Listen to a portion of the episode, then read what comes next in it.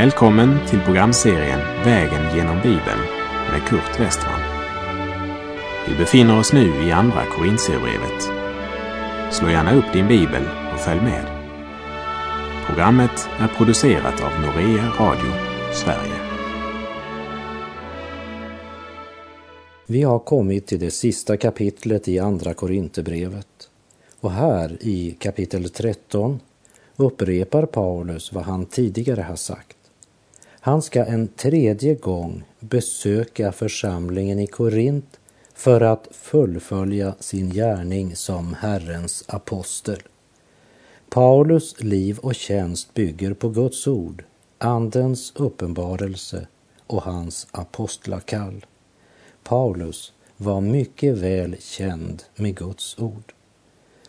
Och i femte Mosebok 19, vers 15 säger Herren det är inte nog att endast ett vittne träder upp mot någon angående någon missgärning eller synd, vad det nu må vara för en synd som någon kan ha begått. Efter två eller efter tre vittnens utsago skall var sak avgöras. Och när det gällde praktiserande av kyrkotukt i den urkristna församlingen så skedde det just efter denna regel i femte Mosebok. Vi läser andra Korinterbrevet 13, verserna 1 och 2. Det är nu tredje gången jag försöker komma till er. Efter två eller tre vittnens samstämmiga vittnesmål skall varje sak avgöras. Tidigare har jag talat till dem som förut syndat, liksom till alla andra. Trots att jag nu är frånvarande säger jag samma sak som om jag vore närvarande andra gången. Jag skall inte skona er när jag kommer igen. Paulus ska komma på ett tredje besök och den här gången kommer han inte att möta församlingens hårdnackade syndare med silkeshandskar. Paulus gör klart för dem att för hans del kommer nu saken en gång för alla att avklaras. Han kommer nu att gripa in i kraft av sitt apostlaämbete och de ska få erfara att det är en kraft som består i något mer än bara ord. Vi läser vers 3 och 4. Ni vill ju ha ett bevis på att Kristus talar genom mig. Han är inte svag gentemot er utan är mäktig ibland er. Han korsfästes visserligen på grund av svaghet men lever genom Guds kraft. Så är också vi svaga i honom men ni ska få leva tillsammans med honom i Guds kraft som ni ska få känna. Ju mera jag har läst av Paulus, desto mera står det klart för mig att det är skillnad på ironi och ironi. För den ironi som har sina rötter i bitterhet och egoism är ödeläggande.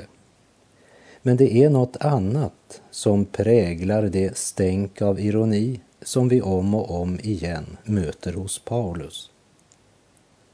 Församlingen stöter sig på Paulus svaghet och de kräver att få se något av Kristi kraft som de nya ledarna i Korint talar så mycket om.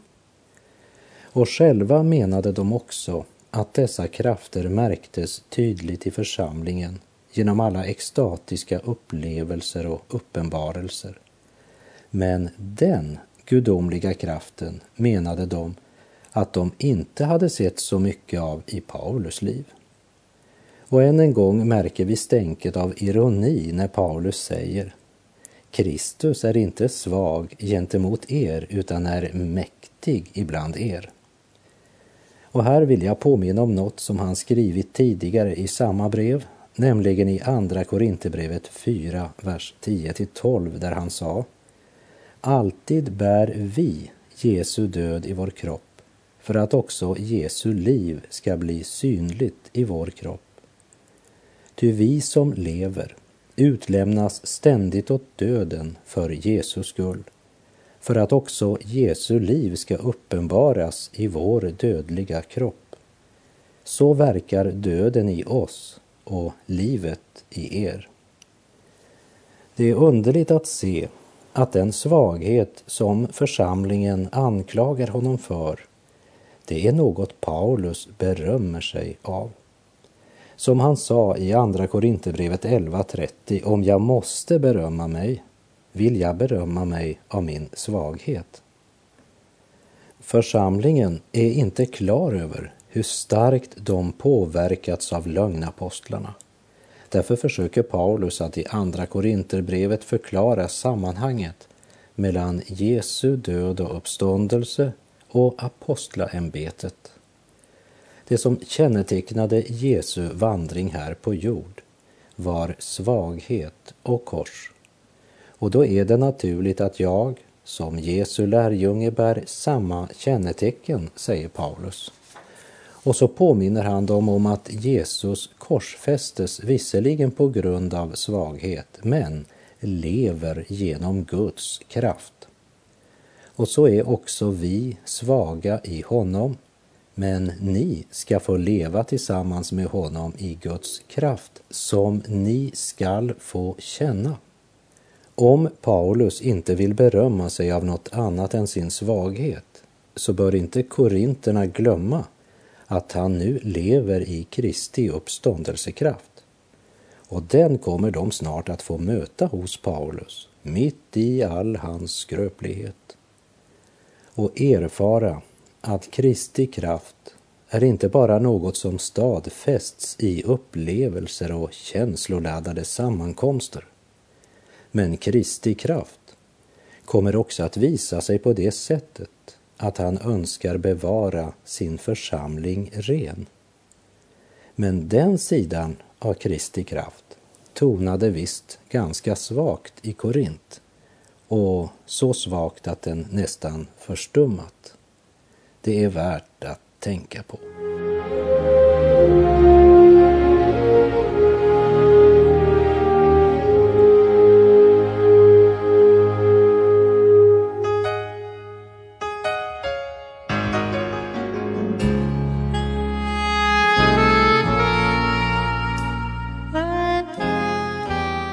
Jesus korsfästes visserligen på grund av svaghet, sa Paulus. Det är underligt att höra om Guds svaghet och den svagheten är den fullkomliga kärleken som istället för att demonstrera sin allmakt på fienden väljer att dö för förlorade syndare. När Kristus, pinad, slagen och blödande, stapplande bar sitt kors på väg ut till Golgata, så var han så föraktad och övergiven av människor att vi höll honom för intet, säger Jesaja i kapitel 53. Men sanningen om denna dårskap och svaghet som synden och världen föraktar är att Guds dårskap är visare än mänsklig visdom och Guds svaghet är starkare än mänsklig styrka. Det är som om Paulus ville säga till den enskilda i församlingen Bli inte så upptagen av extatiska upplevelser och bli inte så upptagen av att analysera Paulus skröplighet att ni glömmer att förvissa er om att Kristus verkligen lever i er. Du blir inte frälst av att konstatera att Paulus saknar Guds kraft i sitt liv. Inte heller blir du frälst därför att du haft vissa speciella extatiska upplevelser. Vi läser andra Korinthierbrevet 13, vers 5. Pröva er själva om ni lever i tron. Pröva er själva. Eller vet ni inte med er att Kristus Jesus är i er. Gör ni inte det består ni inte provet. Vet du inte med dig att Jesus Kristus lever i dig? Det är en fråga som vi ofta borde ställa varandra.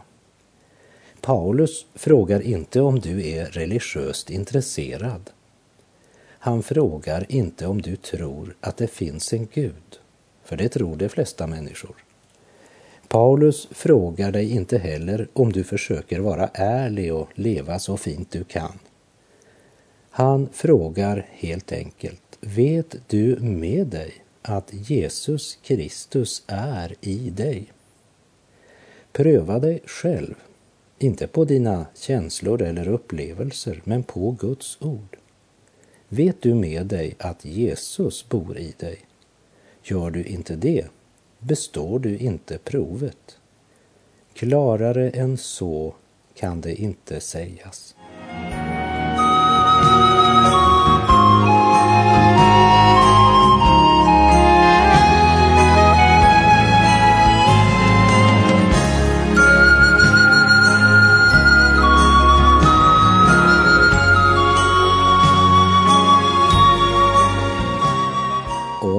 Församlingen menade att Paulus var vek och svag så hade han dock i sin skröplighet ransakat sig själv.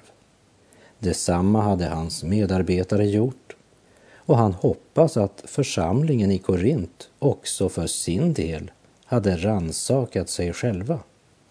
Det vill säga att de inte bara byggde på det där som de ohederliga arbetarna som uppträdde som Kristi apostlar hade sagt men att de själva granskade skriften och att det var den grunden de byggde på, både när det gällde deras eget liv och när det gällde deras omdöme om Paulus. Vi läser i Andra Korinterbrevet kapitel 13, verserna 6 till och med 8. Men jag hoppas att ni skall förstå att vi för vår del består provet.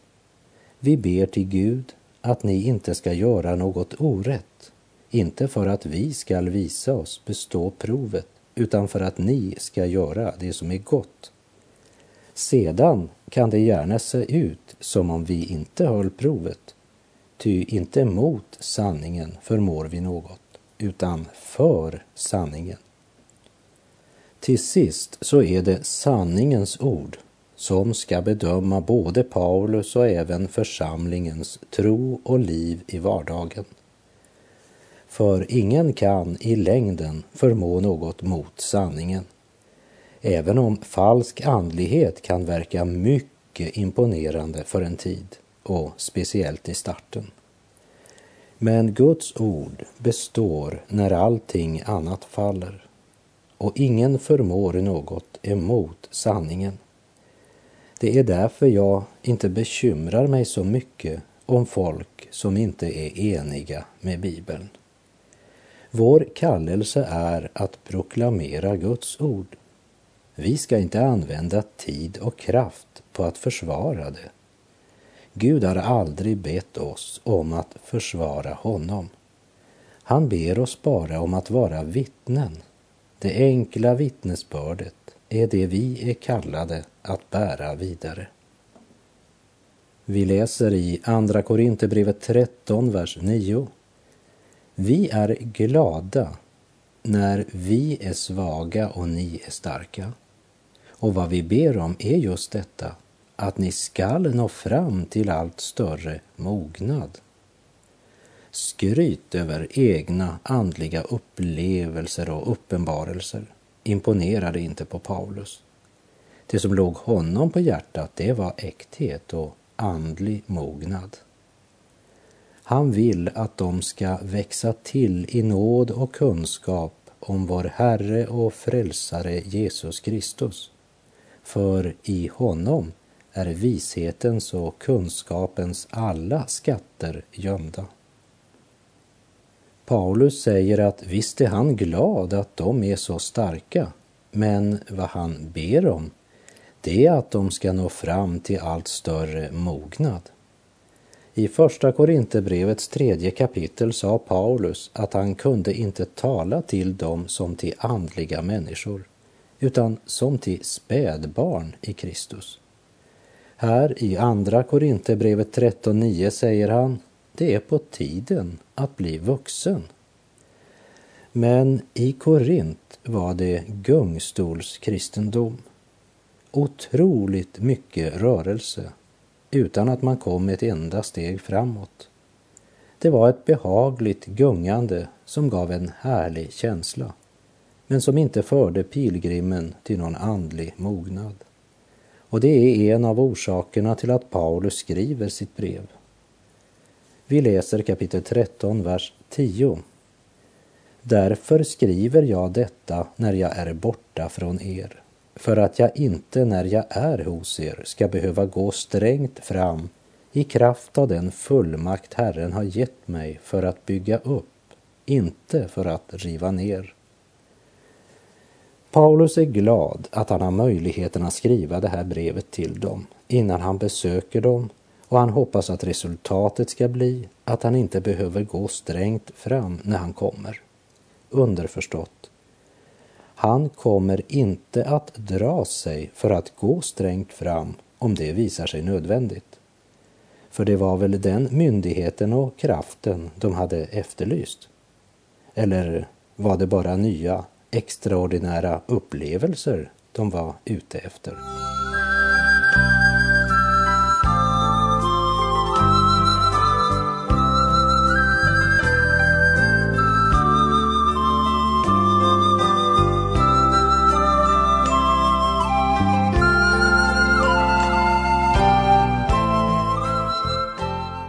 Läser i Andra Korinterbrevet 13, vers 11. Till slut, bröder, var glada. Låt er upprättas och förmanas. Var eniga och håll fred. Då ska kärlekens och fridens Gud vara med er. Hans ord präglas fortfarande av samma tema. Sök att nå fram till större mognad. Förbli inte spädbarn i Kristus, men väx upp. Och det behöver nog sägas i mer än en församling och till mer än en broder eller syster. Inte minst behöver vi själva den påminnelsen. Eljest blir det lätt kristendom istället för Kristusliv. Glädjen är en stor och naturlig del av livet i Gud. Var glada men ha er glädje i Gud, inte i världen. Låt dig upprättas. Det går inte automatiskt och Gud tvingar ingen. Gud vill upprätta dig. Låt dig upprättas och förmanas. Det vill säga, när Gud kommer med en förmaning ska du inte ursäkta eller bortförklara men inrätta dig efter vad Gud säger. Var inte likgiltig inför ordets förmaningar. Och här är han tillbaka till det han började med i det första brevets första kapitel. I vår Herre Jesu Kristi namn uppmanar jag er bröder att alla vara eniga i det ni säger och inte låta stridigheter förekomma bland er utan vara fullkomligt enade i samma uppfattning och samma mening. Var eniga och håll fred, säger han här i vers 11. I Jesu Kristi namn uppmanar Paulus till enighet.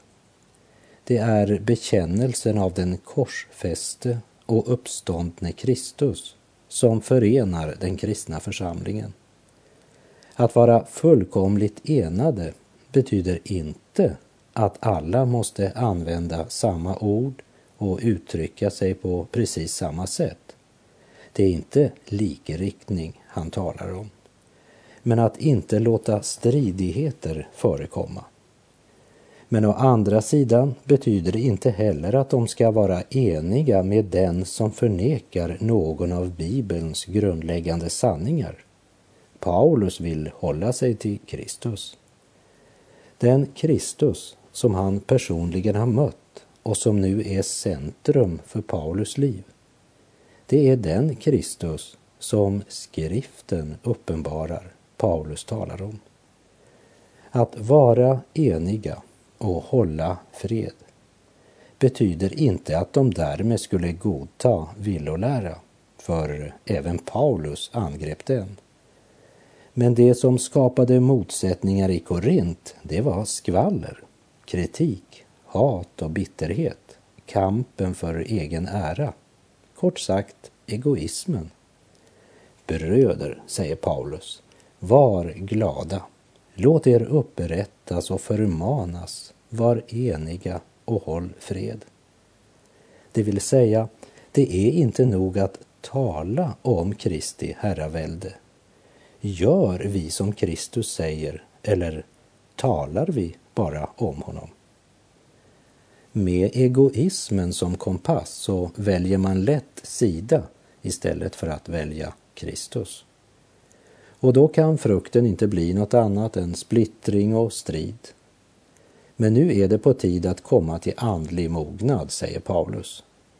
Om ni istället för att följa den ena eller andra ledaren följer Kristus och själva lever i och av Guds ord, då ska kärlekens och fridens Gud vara med er. Och det är den frid som övergår allt förstånd och som kan bevara våra hjärtan och även våra tankar i Kristus Jesus. Vi läser Andra Korinthierbrevet 13.12. Hälsa varandra med en helig kyss. Alla de heliga hälsar till er. Den eh, nu avlidne Dr. Walter Wilson, han berättade om en gång han och hans hustru hade besök. Och när vännen kom in i hallen kysste han Dr. Wilson på båda kinderna eftersom han för honom var en hängiven pastor och en älskad broder i Herren. Och därefter kysste han hans hustru. Och så sa han till doktor Wilson. När jag kysste dig var det en helig kyss.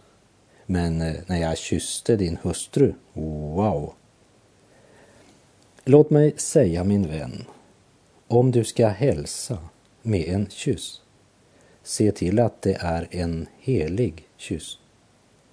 Jag föreslår att den hälsningsformen begränsas till personer av samma kön.